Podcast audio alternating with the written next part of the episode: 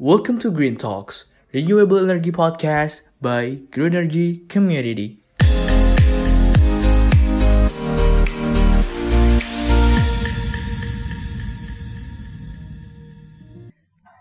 Halo Greeners, selamat siang, pagi, sore, malam, atau kapan pun itu kalian mendengarkan podcast ini.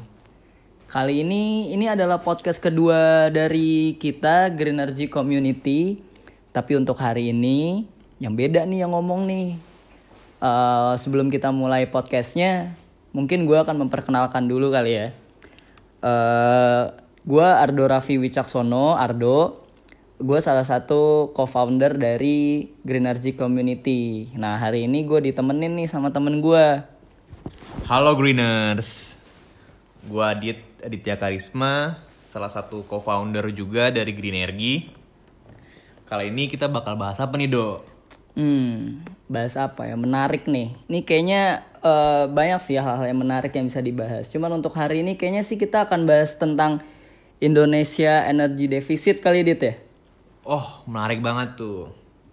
Soalnya gue sering banget tuh denger kalau Indonesia itu katanya bakal defisit energi. Hmm, gimana tuh? Sebenarnya lu tau gak sih defisit energi itu apa sih dok? Eh, gimana sih Dit sebenarnya? Tahu sih, cuman pengen denger aja. Jadi gini, gue tuh sering baca. Sadar gak sih lu dok? Makin lama makin banyak jumlah penduduk di Indonesia nih. Makin banyak populasi berarti makin banyak energi yang dikonsumsi. Di sisi lain, yang gue tahu cadangan dan produksi di dari energi primer dalam Indonesia itu malah makin turun dok. Nih, kalau kata ekonom senior kita nih, Bang Faisal Basri, kebutuhan energi udah nggak bisa lagi dipenuhi dari sumber daya yang dimiliki di dalam negeri. Gara-gara itu, jadinya akan membuat defisit energi itu makin lebar. Kata dia juga, mulai 2021 energi kita udah defisit dan 2040 defisit energinya berpotensi mencapai 80 miliar US dollar. Wah, besar juga tuh. Nah, yang gua tangkep dari perkataan dia, Indonesia bakal susah nih buat mencapai targetnya sebagai Indonesia maju di 2045 nanti. Soalnya susah buat nyimbangin neraca energi kita di kemudian hari. Nih, fakta lainnya dok, Indonesia sekarang jadi salah satu negara dengan konsumsi energi paling tinggi di dunia. Tapi cadangan Indonesia, cadangan energinya, terutama minyak dan gas bumi, justru malah turun. Nah, jika nggak memiliki penemuan cadangan energi baru, maka nggak menutup kemungkinan energi kita bisa habis. Gawat nih dok. Wah, iya sih gue setuju sih Dit. Soalnya eh, memang sebenarnya untuk tahun ini aja udah mengalami defisit sekitar 5,7 miliar dolar secara defisit dan itu angka yang besar banget dan akan naik sampai 80 billion dollars yang udah lo bilang tadi kan. Betul. Nah sebenarnya eh, kalau dari gua nambahin sebenarnya Indonesia emang terlalu berpaku terhadap fossil fuel sih karena emang sesuai dengan report yang saya dapat dari British Petroleum di 2015 eh, 41% Indonesia tuh menggunakan dari based on oil energy seperti 24% dari gas dan 29% dari batu bara. Dan itu jujur aja parah banget karena udah tadi lo jelasin di awal energy resource kita apalagi tentang konvensional energi itu turun banget akan turun dan eksplorasi kan kecil kan Dit ya sekarang Bener dok. apalagi renewable energy cuman sekitar 6% itu ini ini banget ya. ini data dari British Petroleum yang emang udah udah besar banget jadi kita harus harusnya takut sih dengan data ini sebenarnya kebanyakan dari energi-energi itu sebenarnya dipakai juga untuk hal-hal yang fundamental seperti kayak masak lah ya berpindah tempat transportasi. Ya itu malah sebenarnya harus membuat kita makin worry sih soalnya itu hal-hal fundamental yang mungkin kita akan susah mencapainya lagi kalau misalkan energi defisit itu terlalu besar. Bahkan eh, nambahin lo juga tadi dit eh, energy demand di Indonesia tuh pada 2018 doang nih itu naik sekitar 4,9 persen itu data dari British Petroleum dengan rata-rata naik sekitar 2,8 persen di range 10 tahun jadi artinya sebenarnya eh, naiknya juga cukup signifikan terutama populasinya juga makin naik akhirnya akan terjadi defisit Nah, penangkapan gue nih, kita kan anak milenial juga nih. Kita lanjut dari podcast sebelumnya. Kita kan generasi gadget nih. Kita di mana-mana perlu listrik buat buat handphone, buat laptop, buat gadget-gadget kita nih. buat main TikTok Nah, dan setahu gue nih dok, buat energi listrik itu paling besar itu dari tenaga batu bara dok. Worries itu itu lumayan parah sih. Karena sebenarnya batu bara tuh eh, sudah sangat dihindari oleh beberapa negara maju. Bahkan kalau nggak salah baca, cuman tinggal Cina, Indonesia dan Australia. Mungkin kita sekarang peringkat kedua ya. Betul. Coal exporter di dunia dan itu sebenarnya cukup worry juga bahwa sebenarnya meningkatkan energi productivity itu juga bukan menggunakan batu bara itu bukan jawaban kan dit selain makin berkurangnya cadangan batu bara kita dan juga tidak ramah lingkungan dok. Hmm, memang sih itu parah banget sih. Betul. Ini sebenarnya eh, Indonesia harusnya sudah mulai harus berpikir ke depan sih karena eh, Bang Faisal Basri tadi udah ngomong bahwa kita akan defisit dalam jumlah yang besar dan untuk mencapai Indonesia maju ya di tahun 2045 itu akan berat sih. Karena energi itu hal paling fundamental. Dan kita harus overcome semua itu yang mulai dari sekarang. Betul banget dok. Bahkan sebenarnya ada data juga dari Exxon Mobil dari Exxon Mobil bahwa penggunaan oil and gas kita meningkat yang awalnya dari 41% jadi 45% pada 2018 dan well itu cukup susah sih karena di sisi lain pada 2018 doang nih untuk oil production berkurang 3,5 persen. Nah mungkin mungkin kita nggak akan terlalu banyak ya ngomong soal uh, oil industries karena itu bukan kapabilitas kita. Mungkin uh, menurut lo untuk energi terbarukan gimana nih Dit? Pandangan lo untuk overcome problem ini?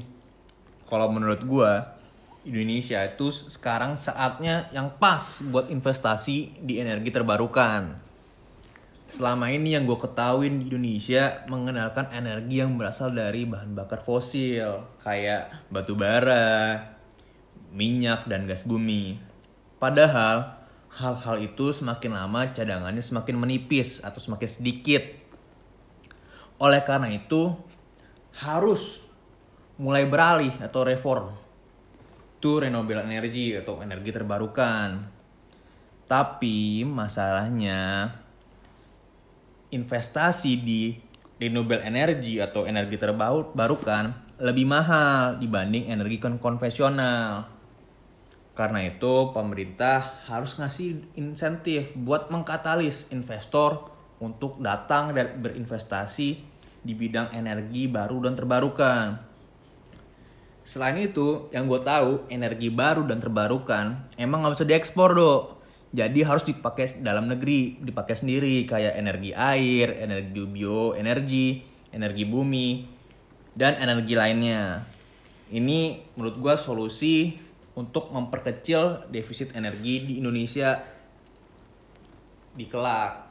Emang eh, jujur aja gue setuju banget sih. Apalagi lo tadi mention mengenai bioenergi, bahwa sebenarnya potensi bioenergi Indonesia itu ekivalen terhadap 200 ribu barel minyak per day. Itu menurut eh, Kementerian ESDM pada Indonesia Energy Report 2019 Hmm, bener dok. itu itu besar banget itu besar banget artinya bisa kalau dimanfaatkan dengan maksimal sebenarnya kita bisa menanggulangi melalui renewable energy kan dit Betul. kira-kira lo ada ada hal lain nggak yang bisa overcome masalah ini? Ada sih dok. Tadi kan gue bilang investasi di bidang energi terbarukan. Kita itu selama ini udah nyaman pakai energi fosil kan, karena ada subsidi. Makanya itu.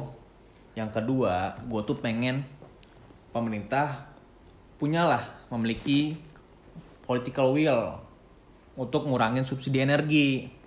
Sepengetahuan gue juga, subsidi energi di berbagai negara sebenarnya hadir atau ada untuk melindungi konsumennya.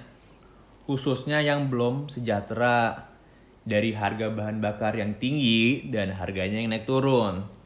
Tapi sayang seribu sayang nih dok, Gimana subsidi energi khususnya untuk BBM malah sering memperburuk ruang fiskal negara. Jadinya kurang deh duitnya buat investasi dalam pembangunan infrastruktur dan investasi buat energi terbarukan gitu dok.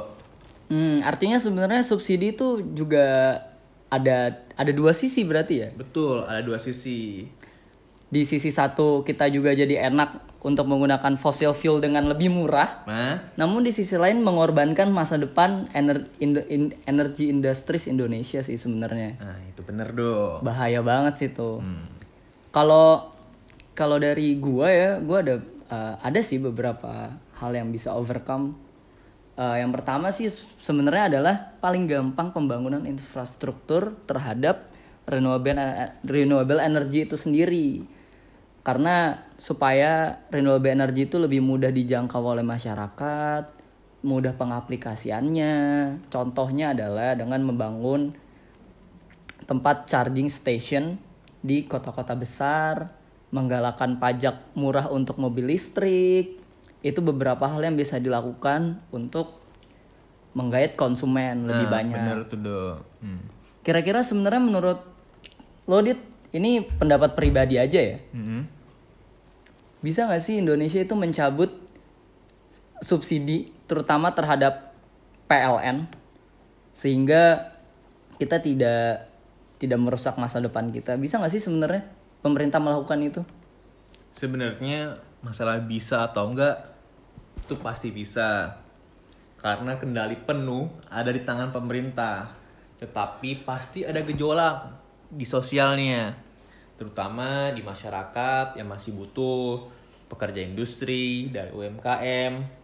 Karena selama ini sudah disediakan listrik yang murah karena subsidi itu. Padahal menurut gua ketika subsidi itu dicabut masih banyak duit kita nih. Duitnya bisa dialokasiin buat hal yang lebih efektif. Kayak pembangunan jalan tol, infrastruktur ataupun pembangunan di energi terbarukan seperti energi turbin angin, turbin air dan lain-lain. Gitu, Dok. Hmm. Atau mungkin kalau untuk itu, kalau pendapat gue sih, gue jujur setuju sih Dit sama pendapat lo tadi. Cuman eh, ini ada ide yang lumayan keren nih namanya eh, smart grid. Hmm. Jadi konsumen itu bisa menjadi produsen juga Nah, dengan cara dia memanfaatkan Hmm. resource yang ada untuk setidaknya menutupi konsumsi di lingkungan kecil dia seperti rumah. Nah, itu sebenarnya konsep smart grid itu bisa dilakukan dengan solar panel. Dan banyak sebenarnya sudah bahkan pemerintah DKI sudah mencanangkan itu. Walaupun dalam eksekusinya jujur saja sangat sulit. Karena untuk hal yang lebih sederhana seperti electricity generation terhadap perumahan-perumahan itu juga sebenarnya masih masih masalah sih. Cuman tetap aja ini suatu ide yang bisa diseriuskan karena sudah banyak yang menggunakan di luar negeri seperti di Jerman dan di Jepang. Karena ya daripada kita buang-buang energi gitu aja, bisa aja kan kita menggunakan memang apa yang kita punya. Gitu sih. Jadi gitu teman-teman Greeners. Terima kasih juga udah denger kita Green Talks oleh Green Energy Community. Dadah Greeners, jangan lupa terus ikuti kami di sosial media kami di Instagram @greenergy.co dan di LinkedIn di Green Energy, Green Energy Community. Selain itu kalian juga bisa baca-baca report kita yang ada di LinkedIn maupun Instagram. Nanti bisa kita diskusikan dan tunggu Green Talk selanjutnya. Bye bye, see you.